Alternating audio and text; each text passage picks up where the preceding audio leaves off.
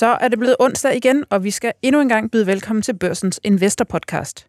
Vi er nu knap to uger inde i det nye år, og det ser stadig lidt usikkert ud, hvilken vej det skal. Men det er jo kun øh, godt for os, for så er der jo masser at tale om. Øh, og i dag skal vi nemlig tale om noget, som vi ikke så tit er inde på, nemlig investering i mindre selskaber. Det vil sige selskaber, der enten er noteret på First North, eller er blandt de her mange øh, small cap aktier, der er på fondsbørsen. For er der overhovedet noget at hente i de her små virksomheder, og hvordan kender man skidt fra kanel? Det glæder jeg mig rigtig meget til at tale om med vores gæster i dag. Og fordi emnet er sådan lidt øh, uden for vores øh, normale comfort zone, så har vi også en ny gæst her i dag, nemlig investor Kim Mikkelsen, som er øh, stifter og ejer af Strategic Investments og Strategic Capital. Velkommen til dig, Kim. Mange tak. Tror du på, at øh, 23 det bliver et øh, godt aktieår, sådan helt overordnet set?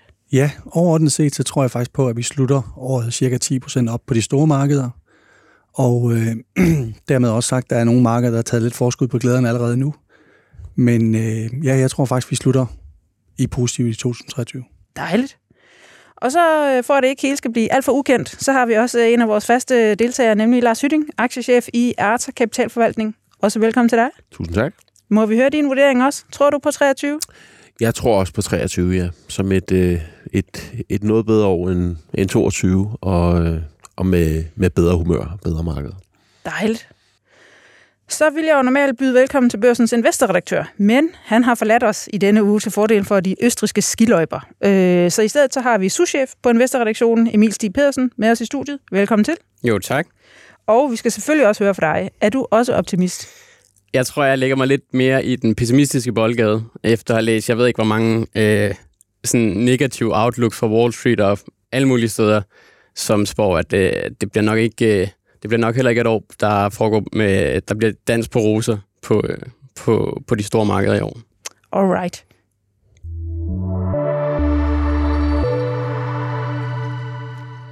De små virksomheder på First North og i det hele taget i small cap segmentet, de har haft et øh, hårdt 2022. Hvis man kigger på investeringsforeninger med small cap aktier, så har de været blandt de allerdårligste i 2022. Faktisk nærmest kun slået af dem, der havde russiske aktier. Flere har også haft behov for at rejse ny kapital i et rigtig svært marked. Men der er jo også øh, lyspunkter, og en af dem, det er solcellevirksomheden Energy Solar Group, som du, Kim, jo er storaktionær i. Så vidt jeg kan forstå, så har du næsten 48 procent af, af selskabet. Vi har i hvert fald mange i Strategic Capital og Strategic Investments har vi ret mange aktier. Ja. Øh, jeg tror, det er tættere på 40 procent end 48, men det, det er stadigvæk dejligt. Det er rigtig mange. Og aktien den er jo steget næsten 180 procent det seneste år. Det er jo mildest talt noget andet end øh, det, vi har set i resten af markedet. Øh, vil du ikke fortælle os sådan helt kort om, altså, hvorfor du investerer så meget i selskabet, og, og, og måske også endnu vigtigere om, altså, hvordan udvælger du sådan nogle mindre virksomheder, når du øh, skal investere? Vi kan starte med at sige, hvorfor investerer jeg så meget? Jeg var med til at investere i Energy som nyt selskab for 10-11 år siden, og var med til at føre det på børsen i 2021, og det er så derefter den pæne øh, track record har været. Øh, det jeg så dengang, og det jeg stadigvæk ser, det er, at sol er en del af en megatrend. Øh, der er lovgivningen på vej nu i Tyskland, EU, Frankrig, at der skal være sol på tage. Og det vil sige, at vi er inde i noget, det vi kalder en megatrend. Og det er ret sjældent, at du rammer en af de der megatrende, hvor man så siger, i stedet for at lægge og købe og sælge og prøve at se, om du kan tjene 5% her og der, så er du simpelthen bare nødt til at blive inde i markedet, fordi det her det bliver så stort, at det er lidt, da Tesla kom med deres elbil eller tilsvarende, øh, så skal man bare være i markedet og lade være med at forsøge at sælge. Øh, så det er derfor, vi er derinde. Men 180 procent på, på et år, det er jo ikke en megatrend. Det er jo, en, øh, det er jo det, altså helt ekstraordinært. Øh, altså, giver det mening at, at, at investere i de her, de her små aktier, også som, som privat? Altså, hvad, hvad er det, man skal, man skal se efter? Jamen, nu sidder vi jo og kigger på aktierne, også på selskabets performance, og ja, omsætningen er, ifølge den guide, der er sendt ud, så skulle de ramme tæt på 60 millioner. De er omsat for 15 millioner sidste år. De har sendt ud, at de har lavet 100 millioner nye ordre alene i 22. Og jeg tror faktisk, de har pre-guidet, at de minimum når 100 millioner i omsætning i 23. Øh, det, der er måske mest interessant i størrelsesforhold, det er at se på, at de har lavet et samarbejde med Nordlys, øh, en dansk el-spiller, som er ret stor, og sammen med de angreb det almindelige boligmarked.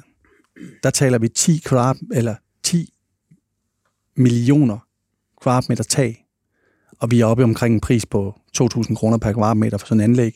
Så vi taler 20 milliarder i omsætning, der ligger bare i den almindelige boligsektor i Danmark. Og Energy er faktisk i gang, og har været i gang i fire år nede i Tyskland, hvor de er større, end de er i Danmark pt. Og, i, og tyskerne har kvitteret på grund af, at de vil have den her omstilling til renewables væk fra den fossile energi, at de har simpelthen fjernet momsen på alle solanlæg fra 1. januar. Øh, fordi de skal i mål med den her omstilling. Så det er den her megatrend, at du går fra fossile brændstoffer til renewables, kombineret med, at sol er noget af det nemmeste, det kan vi smide på, smide på alle tage, øh, og dermed blive selvproducerende. Så, øh, så jeg synes, at selskabets omsætning og indtjening vokser mere end de 180 procent, så jeg er ikke så bekymret for, for stigning, og vi ved alle sammen, små selskaber, de springer op, men de springer også ned igen, og øh, vi bliver bare siddende. Men jeg, men jeg, jeg synes, 180 procent sidste år, det lyder godt nok, altså det er godt nok vildt i, i sådan et marked, som jeg har haft. Det må jeg ja. sige. Hvad, hvad tror du, der ligesom har drevet, øh, drevet udviklingen? Jamen, jeg synes, for, man skulle måske prøve at kigge på samme måde på Torm og Norden og Hafnia, som ligger op i Norge. Altså dem, der var inde i tankrederier øh, i 2022. Der var der simpelthen et paradigmeskift, at tankraterne i slutningen af 21 var lavere, end det, det kostede at drive skibet og lige pludselig begyndte tankraterne af flere forskellige årsager, både krigen, men også det her, der var en strukturel mangel på skibe, øh, så begyndte priserne på, på det at stige så meget. Og det samme sker lidt her, men det er så bare en, en demand-side, der er så meget større end det supply, der er derude nu. Af, altså der kan, der kan sagtens produceres uendelig mange solpaneler ud af Kina, men der skal være nogen, der har en teknologi til at lægge det op, så det rent faktisk fungerer. Få det til at hænge sammen med nogle batterier, så man kan gemme den her strøm, man producerer mest om sommeren. Øh, så jeg ser ikke, at 180 procent er meget for et ungt selskab. Det er klart, hvis vi taler Vestas eller Ørsted, der er to cifrede mm. milliardbeløb hver, så er 180 procent meget. Men når du at tage et selskab, der var 300-400 millioner værd, da det startede året, nu er 700 millioner værd eller 800 millioner værd, jamen, så ser jeg det ikke, fordi vi taler om et, en omsætning, der er firedoblet, og en ordrebeholdning, der er femdoblet i den samme periode. Men jeg tror, de fleste investorer, som kunne overveje nu at gå med i sådan en aktie, jeg ser den afsted helt vildt meget, de vil kigge på prisfastsættelsen nu af aktien. Så hvad, hvad handler sådan en aktie til nu her, øh, hvis man tager price sales? Price sales, så ligger den omkring øh, 7. Okay. Øh, altså ud fra, at de har for, eller forguidet, på grund af den ordrebeholdning, de har, så de forguidet 105 millioner i omsætning for 23, og jeg tror, markedsværdien er 750-800 millioner. Og hvad hvis man går ind og kigger på sådan sammenlignelige øh, selskaber, altså peers? Jamen, det, det, der er så svært, det er, at der er ikke rigtig nogen peers at sammenligne med. Okay. Øh, fordi mange af de solselskaber, som vi kender i Danmark, de laver egentlig bare sol som en del af taget. Det her det er sådan en af de få selskaber, som laver det, vi kalder BIPV, altså Building Integrated Photovoltage, altså det er sol på hele taget. Og dem er der meget få af. Der er ved at komme nogen, men der er meget få, som er både i Danmark og i Tyskland, som er nogle af de store markeder og etablerede markeder. Øh, der skal nok komme konkurrenter, og konkurrenter er jo med til at skabe et marked. Mm. Sige, hvis du var alene i markedet, så var der ikke noget marked. Hvad Men, hvis man kigger ud? Nå, nej, undskyld. Det er helt i orden. ja, det, man må Nå, gerne bare, hvad, hvis man kigger ud, hvad hvis man kigger uden for, øh, altså for, for landets grænser, og hvis man bare kigger sådan bredt på børsnoteret? Hvis du kigger over til USA, så er der et firma, der hedder Solar Edge. Ja. Øh, jeg tror, de handler på nogenlunde samme price sales. Så det er ikke skræmmende på nogen måde. Ja, altså jeg vil også give dig ret i, det er, det er meget early days for det her, øhm, og det er jo også derfor, hvis du som investor vil, vil med i noget, og måske være med i noget tidligt, jamen så, så er det her, det sker. Øh, men jeg, jeg ved da, og har, har deltaget i diverse arrangementer med en masse interessante mennesker, at der er altså andre, der går med, den, med den her idé her, og der sker meget derude. Øh, og der kommer til at, altså konkurrencen, den kommer også til at, at tage til. Det gør den virkelig. Men Lars, du øh, investerer jo ikke i, i small cap selskaber. det, er, det er ikke ligesom inden for dit mandat, det er vi klar over. Men, men hvis man nu skal ud og, og, og se på noget, hvad, hvad, hvad er det, du vil se efter, hvis du øh, blev smidt øh, ud i sådan en øh, ny yeah. small cap fond? Altså, jeg, jeg er jo øh, øh, fundamentalist og, og kan godt lide at regne på tingene. Og det er jo klart, at, at et selskab, som, som vi har fat i her, det falder jo helt uden for skiven i forhold til, hvad jeg kigger på, øh, og kan blive tiltrukket af. Jeg, jeg er helt med på, at der er, der er masser af potentiale, og det er meget lovende. Og for eksempel noget af det positive, jeg har bidt mærke i, det er, at ordrebeholdningen er steget fra, hvad er det, fra omkring 20 millioner til, til 100 millioner. Correct. Altså, det er, jo, det er jo imponerende. Det er jo rigtig godt gået. Men altså, pengene, øh, ja, undskyld mit franske, altså, de, de får så fortsat lidt ud af kassen. Altså, der bliver ikke tjent penge, og det er noget af det, jeg har fokus på. Men sådan er det vel at være vækstselskab? Ja, men, øh, men hvis, du, hvis du lige drejer øh, radaren og kigger på, på andre selskaber af samme vækstselskaber, så var det ikke lige frem i 2022, de havde deres, øh, deres bedste år. Øh, altså, øh, jeg bliver ved med at vende tilbage til GN, som ikke engang er et vækstselskab, men, men der er alene frygten for, at de skulle i aktiemarkedet og hente nye penge. Det fik mm. aktien til at falde over 60 procent. Altså her har vi et selskab, hvor der reelt bliver tabt penge, og, ja. og på et eller andet tidspunkt løber vi også tør for penge. Og, og jeg kan i hvert fald ikke regne mig frem til en, øh, en markedsværdi på, nu kiggede jeg i går, 890 millioner kroner. Det synes jeg er... Så det er i hvert fald også betalt, øh, ud fra hvordan forretningen ser ud på nuværende tidspunkt. Mm. Potentialet, ja, det er der med garanti. Jeg tror bare, der vil komme noget stigende konkurrence også med tiden. Ja. Men Kim, når du går ind i sådan nogle type selskaber her, hvor, hvad er din tidshorisont så, og, og, og hvad vil være et, et råd til dig, hvis du skulle øh, give et råd til nogen, som, som måske ikke nødvendigvis skulle investere i Energy, men, men som måske havde nogle penge og godt kunne tænke sig at, at, at være med til at støtte sådan et selskab på vej op? Jamen først og fremmest, så tror jeg alle, øh, der giver investeringsråd, de skal starte med at sige, at spredning er med til at, at, at mindske risikoen. Altså, jeg vil ikke anbefale nogen at være 100% i, øh, i small cap aktier, eller for den sags skyld 100% i nogle få selskaber. Jeg tror, det er enormt vigtigt, at man starter et helt andet sted, når man ser på sin portefølje og siger, hvad er det, jeg skal opnå med min portefølje? Så kan man godt have, nogle, nogen kalder dem raketter, eller nytårsraketter, eller noget. Så kan man godt have nogle små, sjove selskaber i sin portefølje, men man skal selvfølgelig bygge den op øh, på en måde, så man har nogle store, solide selskaber, og så kan man have de små selskaber som noget ekstraordinært, eller også skal man købe sig ind i en fond, eller, eller strategic investments, eller bank invest, small cap, eller hvad de hedder, hvor man så får automatisk den spredning på sine penge, at det ikke kun er et selskab, der Mm. Og så skal jeg lige korrigere og sige, at jeg er helt med på, Lars, at de ikke tjener penge historisk, men selskabet har dog meldt ud, at man er cashflow positiv, både i Q4 og i 23. Så der skal ikke rejses nye penge. Også bekendt i hvert fald. Nej, okay. Derfor, men jeg kan så sige, det er jo lidt nu kan vi tage et andet selskab, bare for ikke at snakke kun om energy, men Green Hydrogen Systems er steget lige så meget på de første fem børsdage, som Energy steg hele sidste år. Og de brænder 10 gange så mange penge af øh, i 22, som Energy gør. Så der er jo øh, Tesla som en anden historie. Alle har talt om Tesla de sidste fem år. Tesla er blevet blev vel positiv drift for halvanden år siden, men de første tre et halvt år havde de også mange skeptikere. Mm. Øh, selv i går eller i dag øh, her til morgen så jeg en artikel om, at man siger, jamen Folkevogn og Porsche og hvad de hedder nede i Tyskland, de handler til 3, 4, 5 gange earnings, så den kan vi godt regne hjem, øh, vil de fleste fundamentalister sige, men det er stadigvæk Tesla, det er det dyreste selskab. Mm. Så hvem vinder den kamp? Er det Teslas biler, der vinder, eller er det alle de andre traditionelle bilmærker, der efterhånden indhenter den konkurrence på elbiler? Det vil tiden vise. Og det samme er det her med, med, med hele solmarkedet. Altså, Tyskland er jo et kæmpe marked. Det, jeg tror, man skal fokusere på med Energy, det er et hvert tag, du ser på gaden, der vender op mod solen, er en markedsplads, hvor du kan fjerne traditionelt tag og sætte sol på. Altså, det, det er et større marked end alle biler i hele Europa, vi taler om.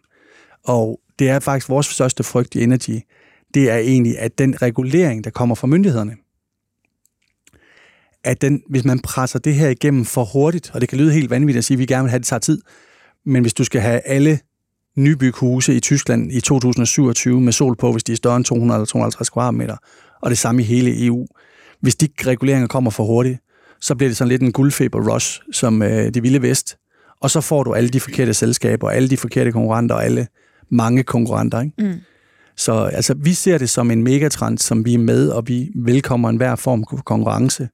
Men det, der har været svært for markedet, det er at dele det her med at sige, hvad er det traditionelle almindelige soltag, hvor der smider nogle paneler ned på et tag. Det der ikke særlig kønne, hvad er markanlæg, og hvad er så det, man kalder integreret tag, hvor du har isoleringen og taget, og du kan slet ikke se nogen ledninger, du kan ikke se nogen stålkanter, du kan ikke se nogen striber på paneler. Hvor panelerne simpelthen bare er taget. Er taget, fuldstændig. Ja. Hvor stærke er konkurrenterne egentlig? Altså nu, jeg er jo ikke super ekspert i det her. Nu, nu har jeg bare gravet lidt og fandt frem til Der er nogen, der hedder Solatis. Korrekt. Og øh, Solartag. Solartag. Ja.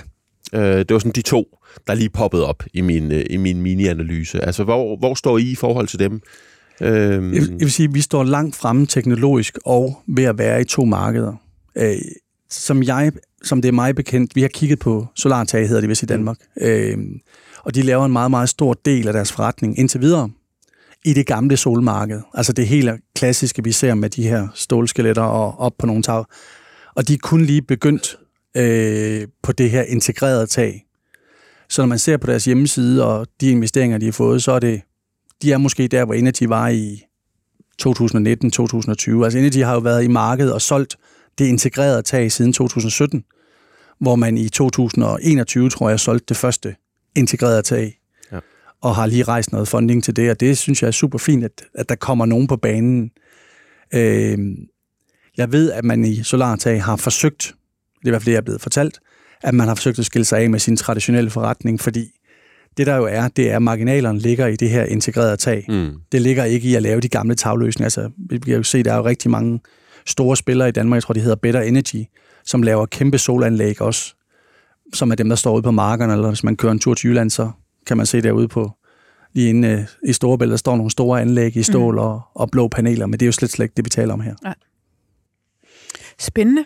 Jamen, øh, jeg synes, vi skal forlade øh, så, øh, Energy et øjeblik, og så Jeg har lige øh, en, en vi. afsluttende bemærkning til den. Nå, men, det var, øhm, altså, I, I jo på børs i, i december 21 på en, på en lidt, øh, hvad kan man sige, utraditionel façon.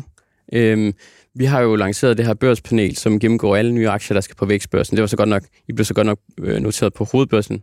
Øhm, men, men, men ikke ved en traditionel børsnotering. Kan du, kan du sige lidt om, hvorfor, og hvad, hvad der er fordel ved det? Ja, det, var, det, var, fakt, det, var, det var faktisk ret simpelt. Øh, som du selv er inde på, så øh, havde vi jo First North, som jo i slutningen af 2020, og i specielt i første halvdel af 21, accelererede med mange børsnoteringer.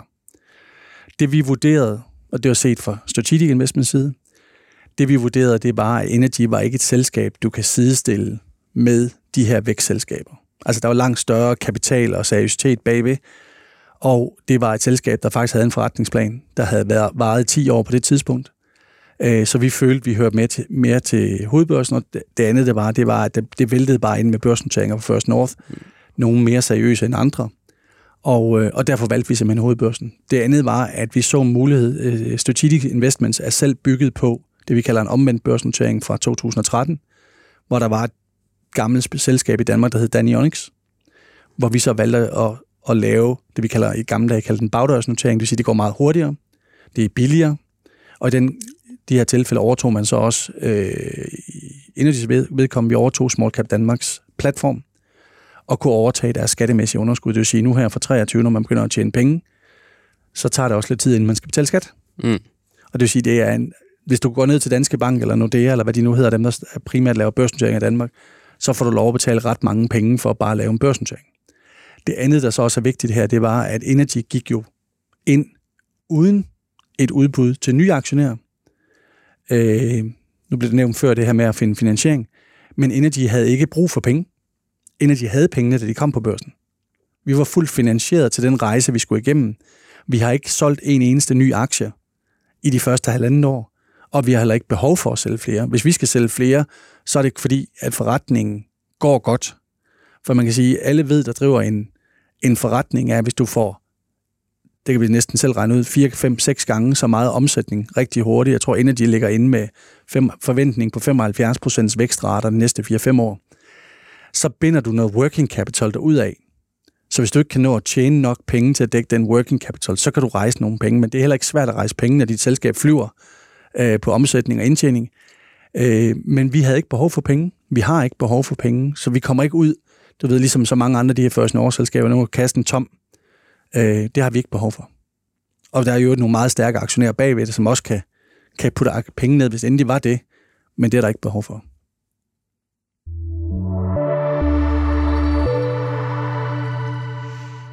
Og så vil jeg som sagt gerne fortsætte lidt i samme spor, men med et mere sådan generelt fokus på de her mindre virksomheder, der kommer på børsen. Øh, Emil, som du nævnte før, så har du beskæftiget dig rigtig meget med de børsnoteringer, der har været øh, på First North-markedet i øh, 2021.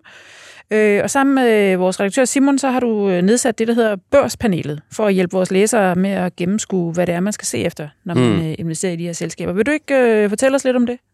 Sagtens. Øhm, jamen altså, som du siger, og som Kim også lige nævnte, så var First North øh, jo brandvarmt i 2021, og øh, vi, øh, vi valgte så, øh, tror det var i maj måned, at nedsætte et børspanel, hvor vi har fået to erfarne, øh, uafhængige investorer, Jens Løstrup og Jacob Have, til at gå ind og vurdere øh, hver enkelt case i forbindelse med noteringen, øh, og de kigger så ind i selskabets forretningsmodel, øh, hvad hedder det, ledelsens øh, kompetencer, øh, og så selvfølgelig øh, aktiens prissætning.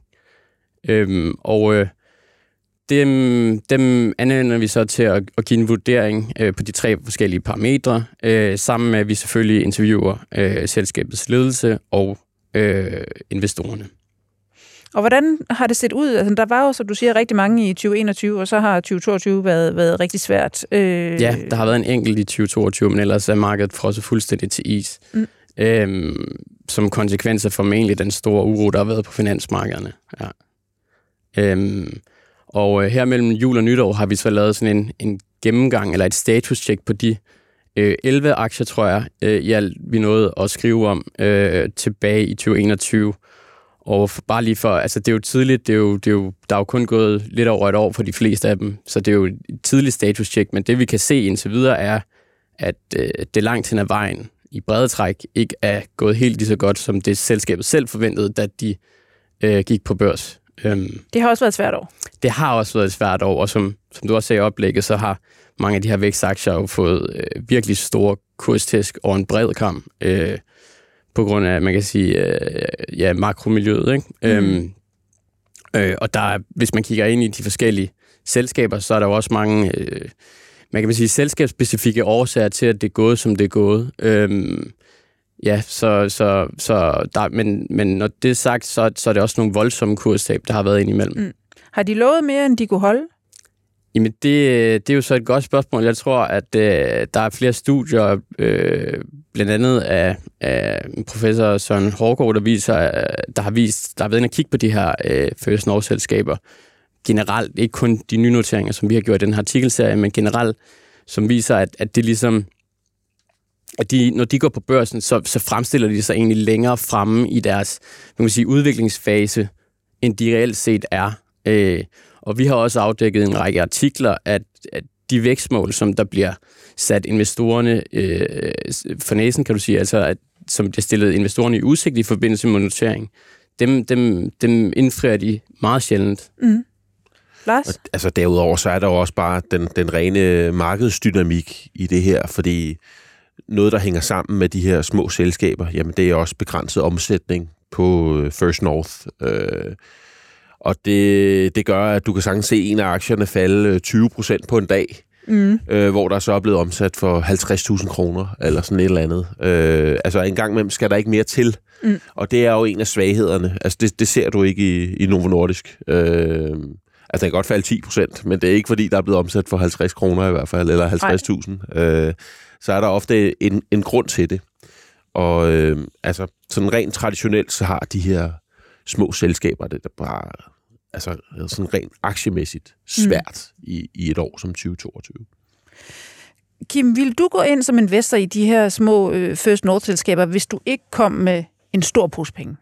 Øh, hvis, lad os sige, at du bare havde øh, 20.000, eller altså som du tænkte, at øh, nu havde du nogle andre investeringer, og så ville du gerne have dem her at lege med. Kunne du finde på, at, fordi markedet jo er så, så volatilt? Jeg får tit spørgsmål af folk, hvad, hvad skal man investere i ja. på givende tidspunkter? Jeg plejer altid at sige, hvis man holder sig sådan et eller andet sted mellem 70 og 85 procent i det, jeg kalder indeksfonde eller large cap aktier, og så man leger med de yderste 15-30 procent af ens portefølje og finder, det kunne være, at man har en eller anden baggrund, der gør, at man interesserer sig mere for sol, eller mere for order jojo, eller whatever mm. det er, øh, så kan man gå ind, og de 15-30 procent, man så har i small cap, dem skal man måske dele op i igen små portioner af 5%. Så ja, man kan sagtens gøre det, man skal bare sørge for at have sin spredning i orden. Og så vil jeg sige til Emil der, at øh, ja, altså det der er jo problemet, når vi får sådan en, det er sket før for mange selskaber, det skete jo også, øh, hvis jeg må henlede på Vestas Ørsted primo 2021.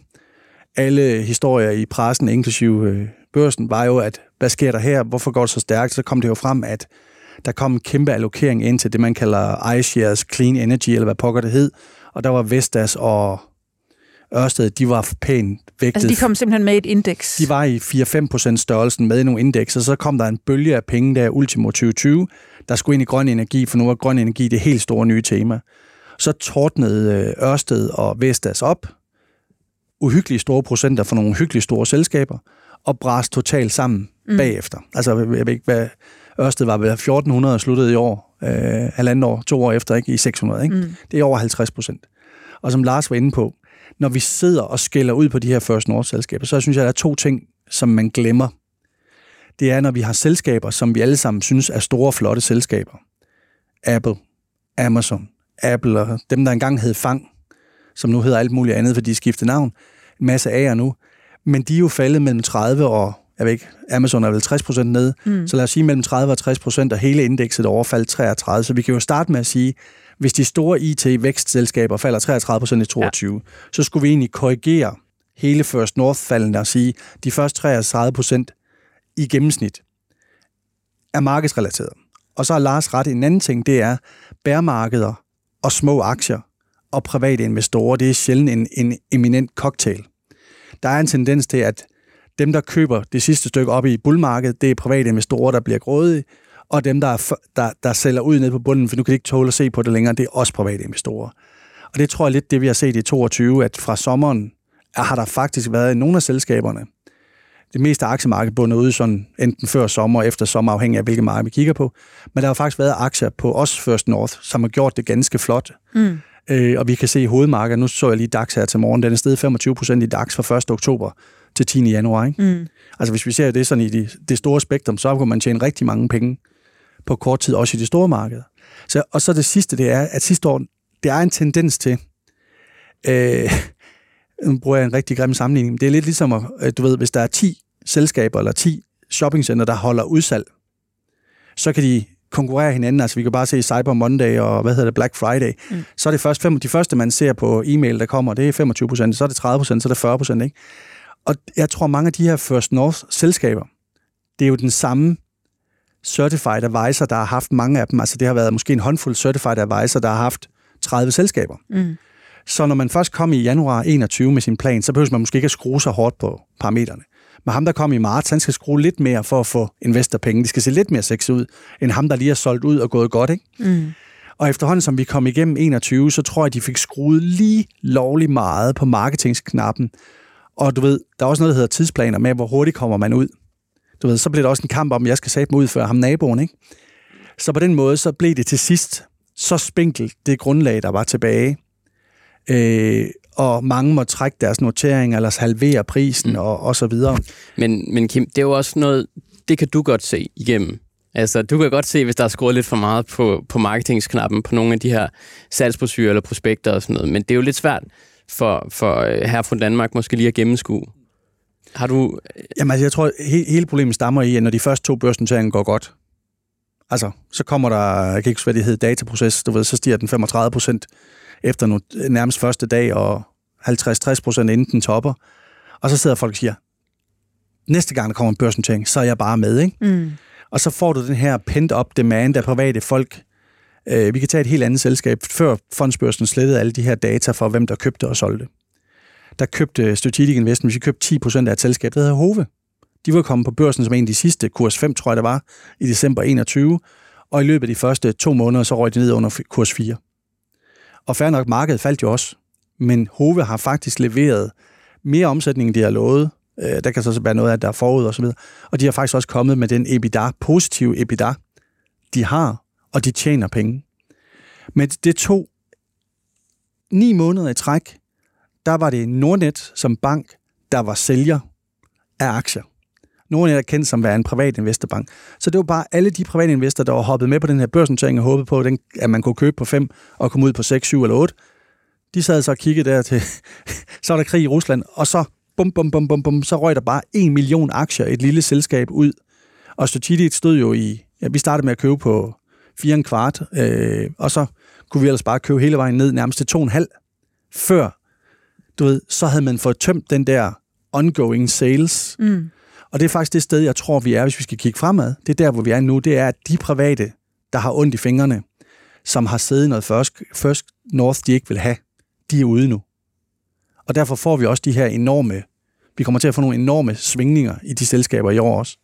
Jeg kan godt huske, der var en, en, en lang periode, hvor at det var nærmest en, en uskreven regel, at en aktie stiger bare, efter den er blevet nynoteret. Ikke? Og jeg kender også nogen, de med bind for øjnene, de skulle bare være med, koste hvad det ville, fordi det stiger, og så, så sælger jeg efter to dage. Øh, altså, det, det marked er ligesom definitivt, øh, det findes ikke længere.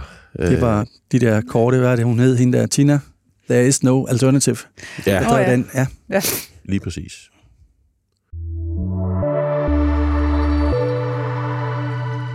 Så skal vi også lige forbi vores øh, portefølje, øh, som jo faktisk øh, klarer sig rigtig øh, godt. Øh, den er 4% oppe øh, år til dato. En øh, portefølje på 600.000 kroner, sponsoreret af Saxo Bank. Den er blevet, øh, den klarer sig ikke helt så godt i 2022, så vi har lige fyldt op, så nu er vi startet forfra. Men øh, 4% øh, siden nytår, det svarer til 25.000 kroner, som øh, hvis det kan holde året ud, skal gives til, hvad hedder det, til velgørende formål. Øh, så det jo ikke helt skævbenet. Og en af de aktier, der har klaret sig rigtig pænt, det er jo GN, din yndlings, øh, Lars. Den er steget tale om det i hvert 7 fald. Ja, det er jo det. Den er steget 7% år til dato. Øh, og det er jo kun 7,5 handelsdag. Ja, hvad kan det ikke blive til? Øh, Så jeg ved ikke, altså skal den bare stige en procent om dagen resten af året? Ja, det er jo noget af det, vi er ude i, ikke? Altså, jeg opererer der med, i hvert fald med en fordobling her i, øh, i 2023. Øh, det skal der ikke være nogen hemmelighed. Nå, Øh, der bør være, være meget mere øh, at- komme efter. Lige nu, der, der er jeg meget øh, spændt på det regnskab, der kommer her i starten af februar. Og også, hvad der kommer af udmeldinger fra selskabet selv. Mm. Øh, der, er, der er lagt op til en gyser endnu en gang. Vi så faktisk her før jul, at øh, en af deres konkurrenter, Sonova, de kom med et produkt, der, der skulle konkurrere med, med et af deres øh, høreapparater. Der er det Ja. store marked i USA for håndkøbshøreapparater. OTC. Ja, øh, det, det har åbenbart ikke rigtig haft en stor betydning, Nej, eller hvad? Sonova har jo også trukket lidt i land igen selv, fordi de, det virker lidt som om, de ikke rigtig tror på, tror på det alligevel. Øh, altså, det er sådan en, en lidt bizarre øh, situation at komme med et nyt produkt, og så tale det ned efterfølgende. Øh, hvorimod GN øh, lige umiddelbart har, har lidt momentum, og, og specielt i hearing øh, ser, det, ser det lovende ud. Mm. Øh, audio øh, er fortsat den store, øh, det store spørgsmål. Ja. Øh, Og det var jo der, hvor de købte Steel Series øh, Det er der, og fik de- sig en dejlig masse gæld. Det er der, hvor gælden den ligger, og der, hvor øh, er det hele halter lidt. Øh, så øh, det, det er spændende, hvad der kommer. Jeg vil sige, alt, alt er i, i spil, øh, og, og hele den her MRA-case kører også fortsat. Øh, altså, det, det, er, det er ret uforudsigeligt. Ja, fordi det var jo Demand Invest, ikke? der øh, pludselig var inde og være store aktionær. De har over 10 procent i hvert fald. Ja. Øh, Tror du på en, øh, en øh, merger? Jeg tror, der kommer til at ske noget. Jeg tror ikke, at det er... Altså, jeg tror på, der kommer til at ske noget på et eller andet tidspunkt. Og, og når øh, Novozymes og Christian Hansen, jeg ved godt, den er ikke gået i mål, den er ikke, øh, det har lange udsigter, men hvis det kan, hvis det kan lade sig gøre, så, kan der også, øh, så er der andre ting, der også kan lade sig gøre Mm. blandt danske selskaber. Spændende. ISS til gengæld, den har fået en lidt mere fesen start på året. Den ligger lige omkring nulpunktet.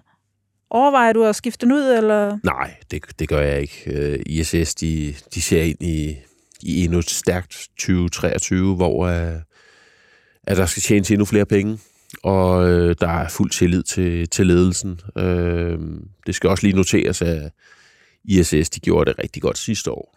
Øh, og øh, det skal man lige have med i bagagen. Det var, det var klart en af de bedste aktier for, for året. Mm. Jeg holder fast, øh, og, øh, og skulle, der, skulle der ske et skifte i markedet, komme noget mere risikovillighed øh, af festen, den ligesom flytter et andet sted hen, jamen så, så vil jeg jo øh, tage bestik af det. Der er en, en skov af, af mindre selskaber, som er rigtig interessant. Festen er bare Taler ikke... vi First North her nu? ikke, øh, ikke helt First North, men, men i hvert fald mindre selskaber. Øh, men, men det kræver, at festen den ligesom flytter det over, og Ja. der, der er vi ikke helt endnu. Et sted, hvor vi øh, er, det er øh, i medvind med øh, Hello Fresh, som jo ellers har været øh, porteføljens enfant terrible. De sluttede året med en opjustering, og den er simpelthen oppe 18 procent siden nytår. Så det, det er da trods alt positivt. Øh, så har vi også øh, ABB, som er Nina Movins øh, foretrukne aktie. Den øh, har hun købt, og den har haft en lidt flad periode, men ser ud til at, at lette igen. Den er også oppe 5%. Så, så de tre, HelloFresh, GN og ABB, det har været øh, højdespringerne her i, i porteføljen siden nytår. Så vi krydser fingre for, at øh, flertallet herinde jo synes, at det, det skal være et godt aktieår. Emil, det er ikke sikkert, at du får lov til at være med igen, når Ja. du er så sur.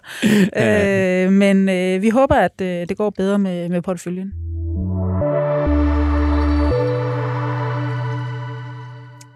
Så er det ved at være slut for denne gang. Vi vender tilbage i næste uge, og hvis du har ris eller ros, så send det gerne til os via mail på investor Så gør vi, hvad vi kan for at lave en endnu bedre podcast i næste uge. I studiet i dag havde vi investor Kim Mikkelsen, stifter af Strategic Investments. Tak fordi du var med. Tak. Vi har Lars Hytting, aktiechef i Arta Kapitalforvaltning. Tak for det. Ja, tak. Og souschef på Børsens Investorredaktion, Emil Stig Pedersen. Peter Emil Witt stod for teknikken, og mit navn er Heidi Birgitte Nielsen.